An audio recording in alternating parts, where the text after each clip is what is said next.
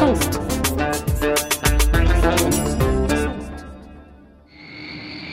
Quelle est votre plus grande ambition dans la vie? Devenir immortel et puis mourir. ده صوت لشخصية أديب اسمه بارفو ليسكو اللي بتسأله الصحفية إيه أهم طموحاتك في الحياة فبيقول لها إني أكون شخص خالد وبعدها أموت. المشهد ده في فيلم من كلاسيكيات السينما العالمية فيلم بريثلس أو منقطع الأنفاس للمخرج الفرنسي جان لو جودار اللي رحل عن عالمنا يوم 13 سبتمبر 2022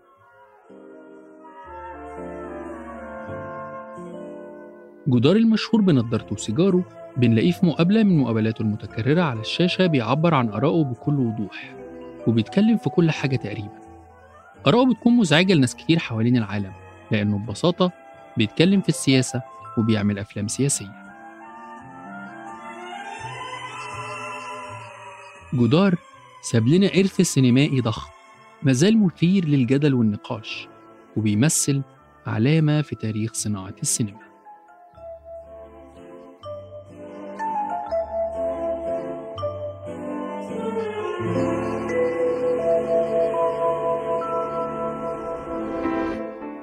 أهلا بيكم ده بودكاست المستجد وأنا أحمد إيمان زكريا. في كل حلقة هناخدكم بعيدا عن ضجيج العناوين عشان نتعمق في واحدة من قصص أو أخبار عالمنا ونقول لكم الخلاصة.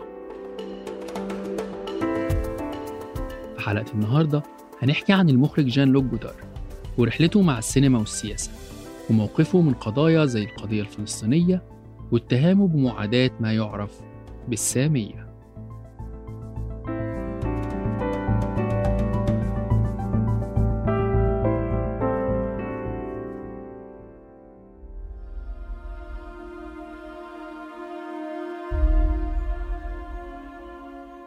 سنة 2018 شارك جودار في حملة مقاطعة للسينما الإسرائيلية. وكان المعهد الفرنسي في باريس بينظم عروض الأفلام دي. وقتها بيان الحملة قال إن عروض الأفلام دي بتدعم السياسات اللي بيمارسها الإسرائيليين ضد الفلسطينيين. طيب ليه بيشارك جودار في حملة زي دي؟ جودار مخرج فرنسي سويسري. معروف في الأوساط الفنية والفكرية إنه ماركسي التوجه والأفكار وعنده قناعات بالفلسفة الوجودية وهي فلسفة مهتمة بطرح أسئلة حوالين معنى الوجود وقيمته وأسباب وجودنا في الحياة وكانت منتشرة بقوة في مرحلة الحرب العالمية الثانية وما بعدها.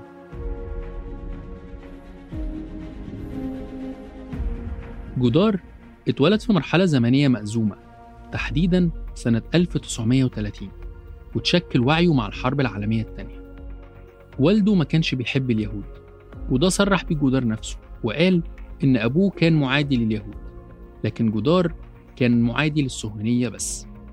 موقف جودار المناهض للصهيونية كان مرتبط كمان بموقف دعم واضح جدا للقضية الفلسطينية والمقاومة. وله فيلم وثائقي مشهور اسمه هنا وهناك Here and Elsewhere بيحكي فيه عن المقاومة الفلسطينية في السبعينات. وبيستخدم في الفيلم ده طريقة المقارنة بين أسرة فرنسية بتتفرج على التلفزيون وفي نفس الوقت في الناحية التانية بنشوف لقطات للفدائيين الفلسطينيين بيتدربوا بشكل يومي Irlande, Portugal, Chili, Palestine.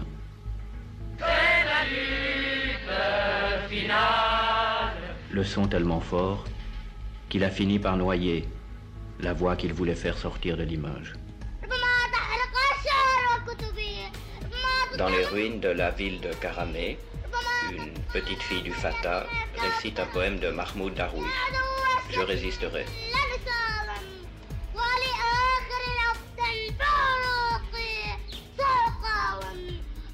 بعض النقاد بيشوفوا الفيلم ده واحد من أعظم الأفلام الوثائقية السياسية وإنه جودار لعب اللعبة الأصعب لعبة الثنائيات المتناقضة أو المتضادة عشان يبرز بالصورة شكل الواقع السياسي في العالم والنقاد شافوا كمان إن موضوع الفيلم مازال صالح للاستخدام والتفكير في الواقع المعاصر.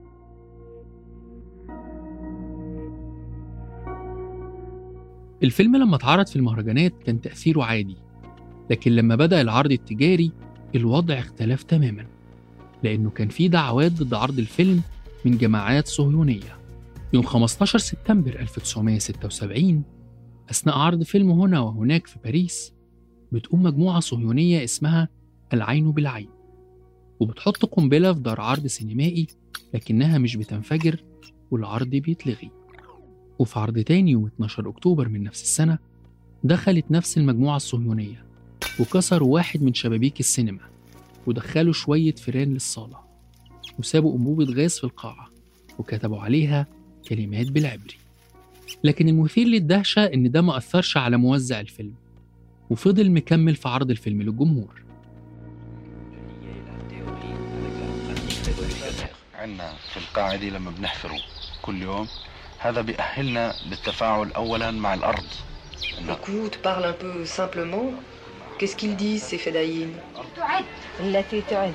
المرأة. المرأة. للموت Je vois au début, elle a l'air assez joyeuse de faire ce petit travail. Moi, je la trouve belle. يعني نقدر نقول إن أفلام جدار وفقا لكتير من النقاد تعتبر أفلام سياسية ماركسية. وممكن نقول عليها كمان لفظ أفلام واقعية لأننا لما بنشوفها بنلاقي فيها إحساس الفيلم الوثائقي حتى لو كانت أفلام روائية. جدار كمان كان معروف عنه حسه النقدي اللي مش بيحب يتأيد بأي أيقونات أو يقدسها. وكان منشغل بصناعة سينما اسمها سينما الحقيقة. أو سينما فيغيتي وده نوع سينما منشغل بنقل واقع وحياة الناس الطبيعية.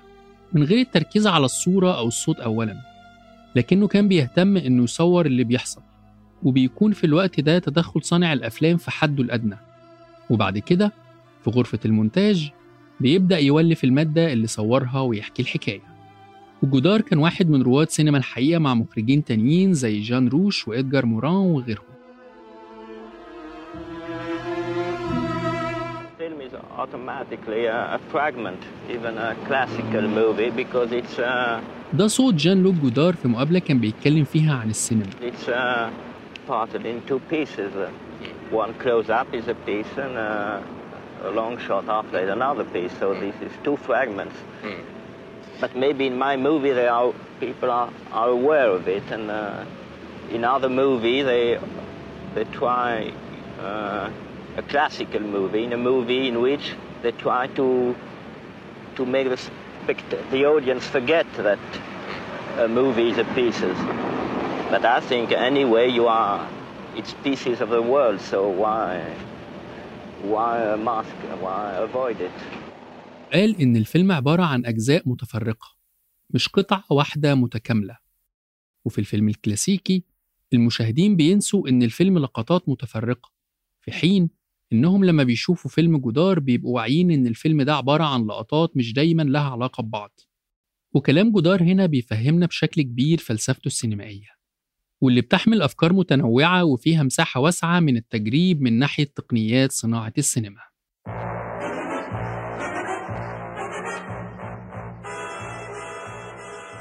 في فيلمه بريثلس صدر سنة 1960 اتكلمنا عليه في الأول خالص. قدم جودار تجربة فريدة في فن المونتاج أو توليف الفيلم. فيلم فني جدا. ناقد أمريكي شهير وصفه إنه مزيج من الفلسفة وموسيقى الجاز.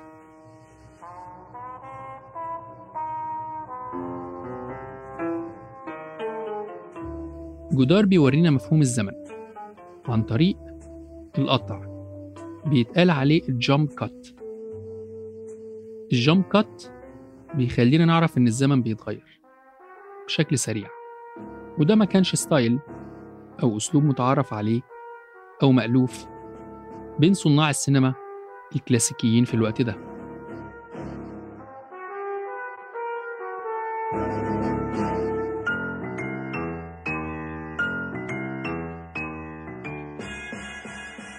اللي هيتفرجوا منكم على الفيلم ممكن في لحظة ما يحسوش بالراحة في القطعات بين اللقطات وهيتم إثارة انتباههم بسهولة لأن الطريقة المستخدمة غير مألوفة للعين المتعودة على مشاهدة أفلام هوليوود.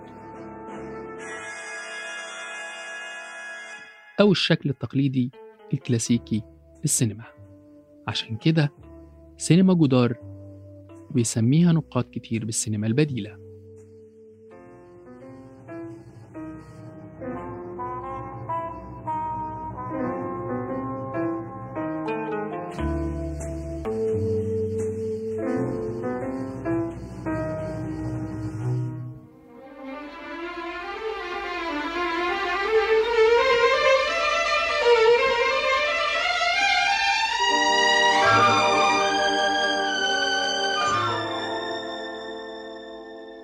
وكان عدد من زمايله أصدقائه نقاد كمان زي فرانسوا تروفو وألان رينيه الأسامي اللي هتلمع في سماء السينما الفرنسية بعد كده. جودار وأصدقائه كان عندهم قناعة إنهم لو معاهم فلوس هيقدروا ينتجوا فيلم وهيعملوا أفلام أحلى من الأفلام اللي بيكتبوا عنها نقد. وفعلا نجح زميله فرانسوا تروفو يعمل فيلم بيعتبر من علامات السينما الفرنسية والعالمية فيلم اسمه The 400 Blows أو ال 400 ضربة. وألان رينيه عمل فيلم اسمه هيروشيما مونامور أو هيروشيما حبي. وبعدهم جه فيلم جودار اللي حكينا عنه بريثلس أو منقطع الأنفاس. المجموعة دي من النقاد اللي بقوا صناع أفلام نجحوا مع بعض إنهم يأسسوا لشكل مختلف في صناعة السينما الفرنسية وعملوا حاجة اسمها الموجة الفرنسية الجديدة أو لا نوفيل فاج والموجة دي كانت قمتها في خمسينات وستينات القرن اللي فات وبتركز على إن المخرج يكون له سيطرة على الفيلم بكل محاوره كأنه بيخلق شيء من البداية للنهاية بإيديه. عشان كده بنلاقي إن أفلام الموجة الفرنسية الجديدة كانت مختلفة تماماً عن أفلام هوليوود. مثلاً الحوار في أفلام الموجة دي كان مرتجل في أوقات كتير. وما كانش فيه التزام طول الوقت بورق السيناريو والحوار وكانوا بيعتمدوا على حمل الكاميرات والتصوير بأسلوب أكتر حرية. المونتاج في الموجة دي كان غير متتابع وده عكس المونتاج التقليدي المعروف باسم ال continuity editing أو المونتاج المتتابع اللي بنشوف فيه الشخصية وهي بتصحى من النوم وبعدين بتروح للغرفة وبعدين للصالة وبعدين للحمام. لكن في المونتاج غير المتتابع مش بنشوف كده. وبنشوف على طول لقطة للممثل بيصحى واللقطة اللي بعدها بيركب المواصلات مثلا. كده قدرنا في ثلاث لقطات بس نختصر الزمن ونحكي الحكاية بتكثيف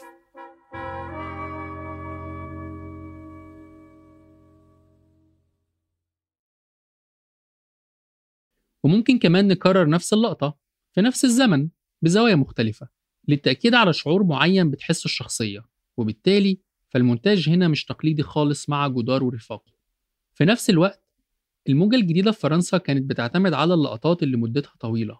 يعني ممكن نفضل شايفين البطل في لقطة مدتها 30 ثانية أو دقيقة وهو بيدخن سيجارة وبيفكر بس.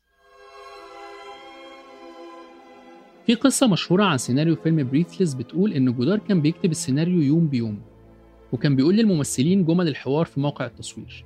وده خلى الفيلم وقتها واحد من أنجح الأفلام في السينما لأنه كسر كل الأنماط المعتادة في الصناعة لسنين كتير قبلها. ومع نهاية الخمسينات بقى جودار من رواد الموجة دي مع مخرجين أسمائهم لامعة في سماء السينما العالمية لحد النهاردة زي تروفو ورينيه والمخرجة الفرنسية الراحلة أنياس فاردا وإيريك رومر كلود شابرول وغيرهم.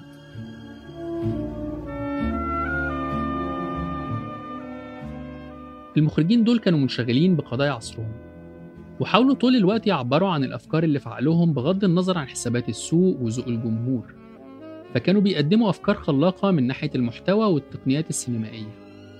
لكن كالعادة نجومية جودار قلت مع مرور الوقت خاصة مع مواقفه السياسية الواضحة.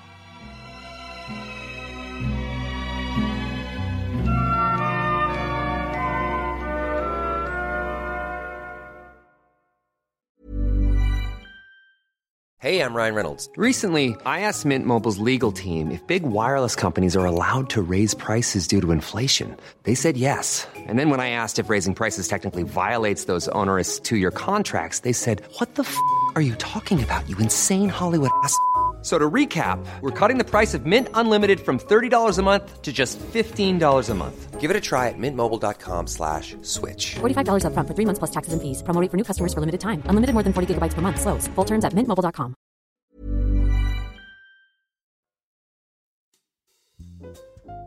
I think what makes cinema to me, uh, I think ultimately it's something that for some reason stays with you uh, so that a few years later you can watch it again or 10 years later you watch it again and it's different. ده صوت مارتن سكورسيزي بيحكي عن تعريفه للسينما In other words, there's more to learn. سكورسيزي واحد من أهم المخرجين في العالم لحد النهاردة وقدم أعمال فنية عظيمة من السبعينات لحد آخر أفلامه اللي اتعرضت على نتفليكس من كام سنة فيلم The Irishman بطولة روبرت دينيرو وآل باتشينو سكورسيزي كان متأثر جدا بالموجة الفرنسية الجديدة وبيحب أفلام كتير منها لتروفو وجودار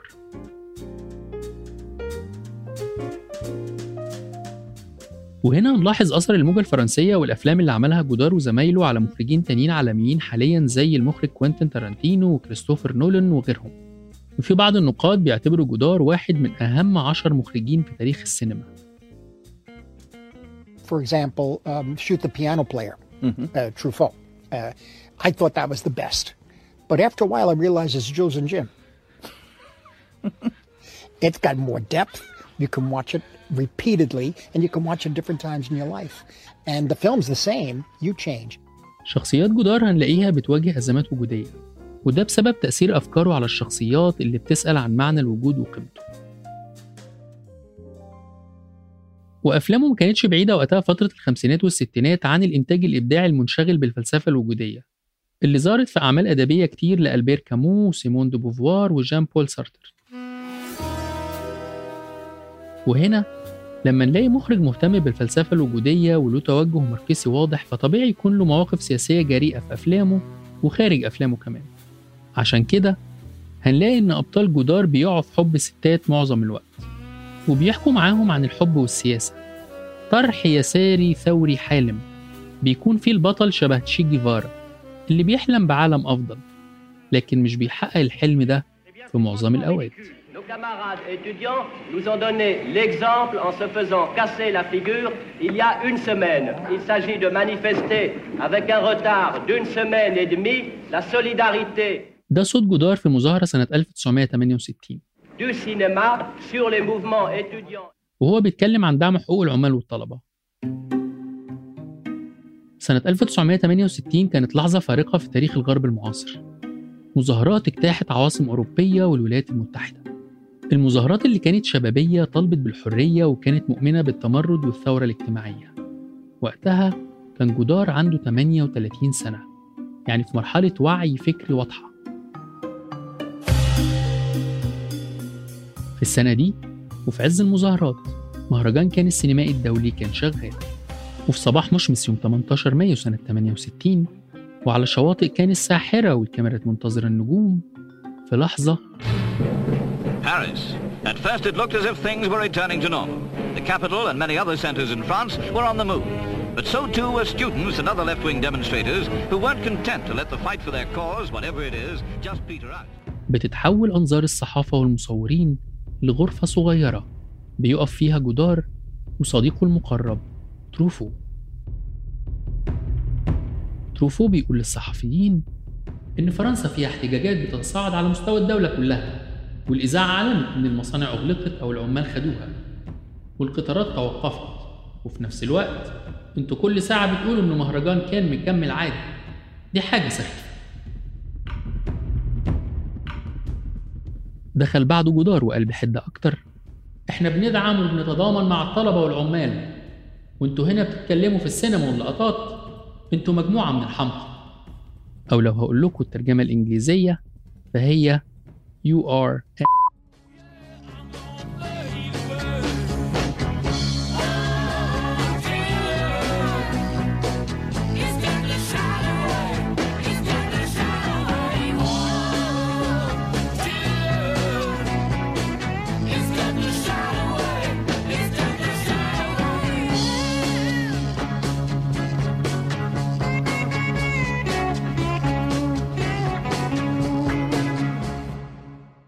إحنا هنا مش بنتكلم عن مجرد فنان بيقدم افلام عن مواضيع ذاتية.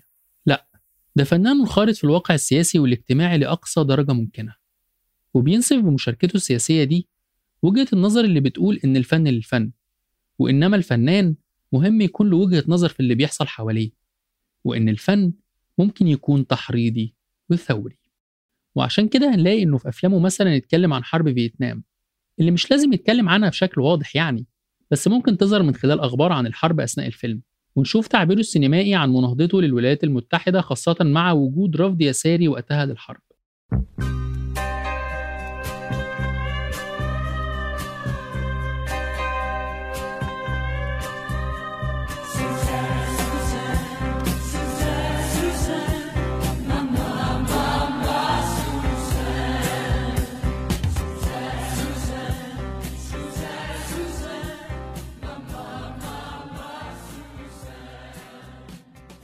ومن المعروف وقتها إن جان بول سارتر أحد أعمدة اليسار في فرنسا لغى محاضرة كان عاملها في نيويورك لأنه لقى كتير من الأمريكان مؤيدين لتصعيد الحرب في فيتنام.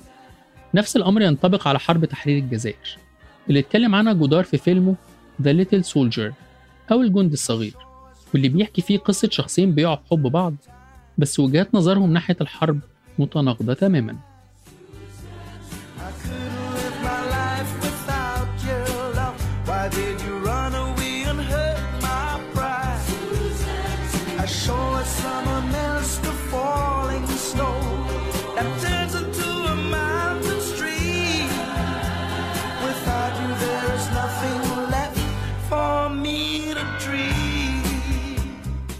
نرجع تاني لموضوع معاداة جدار للصهيونية. الحقيقة إن المعاداة مش فردية من جدار لكنها مرتبطة بموقف اليسار من الصهيونية فبنلاقي كتير من اليساريين ضد الصهيونية بشكل عنيف. وده توجه موجود حتى من قبل ظهور دولة الاحتلال الصهيوني وبالتالي موقف جدار هنا كان طبيعي إنه يواجه في مرحلة من المراحل باتهام معاداة السامية. وطبعا هوليوود المحبة للصهيونية واليهود بشكل كبير انقسمت حوالين جودار ومواقفه. وكان في سؤال دايما بيحيرهم هل جودار ضد اليهود ولا ضد الصهيونية؟ وزي ما عرفنا في أول الحلقة موقف جودار الواضح إنه كان ضد الصهيونية turned an industry on its ear and started a cinematic revolution called La Nouvelle Vague. ده صوت الممثل الفرنسي فينسنت كاسل وهو بيقول كلمة تكريم لجودار بعد حصوله على جائزة الأوسكار التكريمي لمجمل أعماله السينمائية Jean-Luc Godard has been called the most original filmmaker of the 20th century. It's not surprising. His work is like no other. Audacious, controversial, challenging, transformative, and exhilarating. لا مثيل لها وجريئة ومثيرة للجدل والتفكير.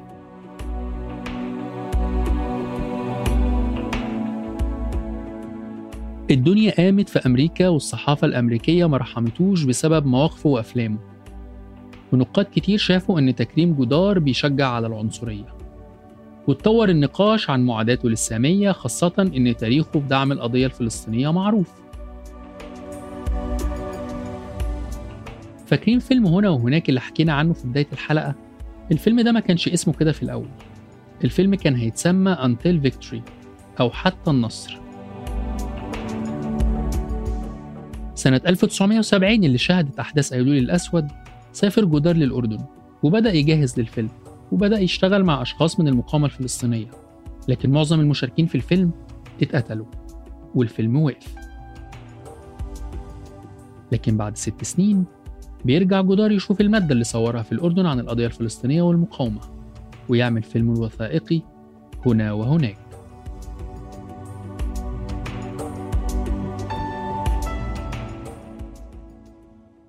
لما أعلن عن تكريم جودار وحصوله على الأوسكار التكريمي منظمات يهودية بعتت لأكاديمية الفنون والعلوم السينمائية اللي بتوزع الجوائز وطلبتها بمنع الأوسكار عن جودار لأنه معادي للسامية. ردت الأكاديمية وقالت لهم معاداة السامية حاجة ما تصحش وعيب وكخ طبعا. بس إحنا ما لقيناش الاتهامات الموجهة لجودار مقنعة جودار حصل على جائزة الأوسكار التكريمي سنة 2010 لكنه ما راحش الحفل ولا راح أمريكا من أساسه لأنه ببساطة كان واخد موقف منهم ومن هوليوود كلها بأفلامها بسلطاتها ببابا غنوجها.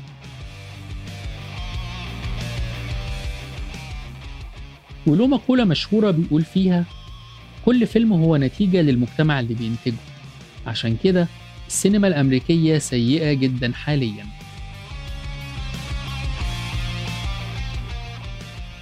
جودار يا جماعة ما ترشحلوش أي فيلم في الأوسكار. يعني من الآخر المواقف السياسية كانت حاكمة للعلاقة بين جودار وهوليوود على مدار تاريخ الطرفين.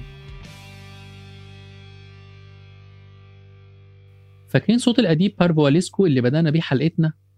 الشخصية المتخيلة دي نقدر نشوف فيها شخصية جودار اللي عندها أسئلة وجودية وفي نفس الوقت عندها برضو إجابات قاطعة في أحيان كتير.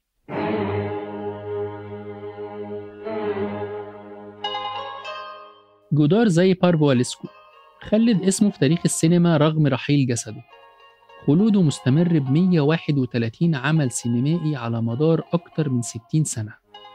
ورغم إنه تجاوز سن ال 91 السنة دي إلا إن جودار كان واحد من المخرجين القليلين حوالين العالم اللي فضلوا متواجدين على الساحة لآخر لحظة وبيعبروا عن أفكارهم في الميديا. وده من الأسباب اللي خلت رحيله حدث مهم لمحب السينما في العالم اللي بيشوفوه أيقونة من أيقونات الصناعة ونجم مش هيختفي لمعانه لسنين جاية.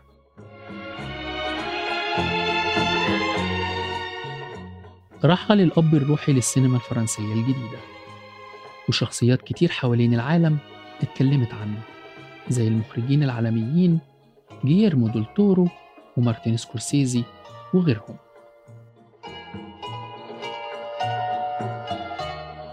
ونعى الرئيس الفرنسي إيمانويل ماكرون اللي قال عنه كان أهم مخرجي الموجة الفرنسية الجديدة. ابتكر سينما حديثة تماما وقدم فن شديد التحرر إحنا فقدنا كنز قومي وفنان عنده حس عبقري. كنت معاكم من البحث والكتابة والتقديم أحمد إيمان زكريا من التحرير عمر فارس ومن الهندسة الصوتية يزن قواس. اشتركوا بقناة المستجد على التطبيقات اللي تعجبكم عشان تسمعوا الحلقة دي وتوصلكم تنبيهات الحلقات الجاية. بودكاست المستجد من إنتاج صوت.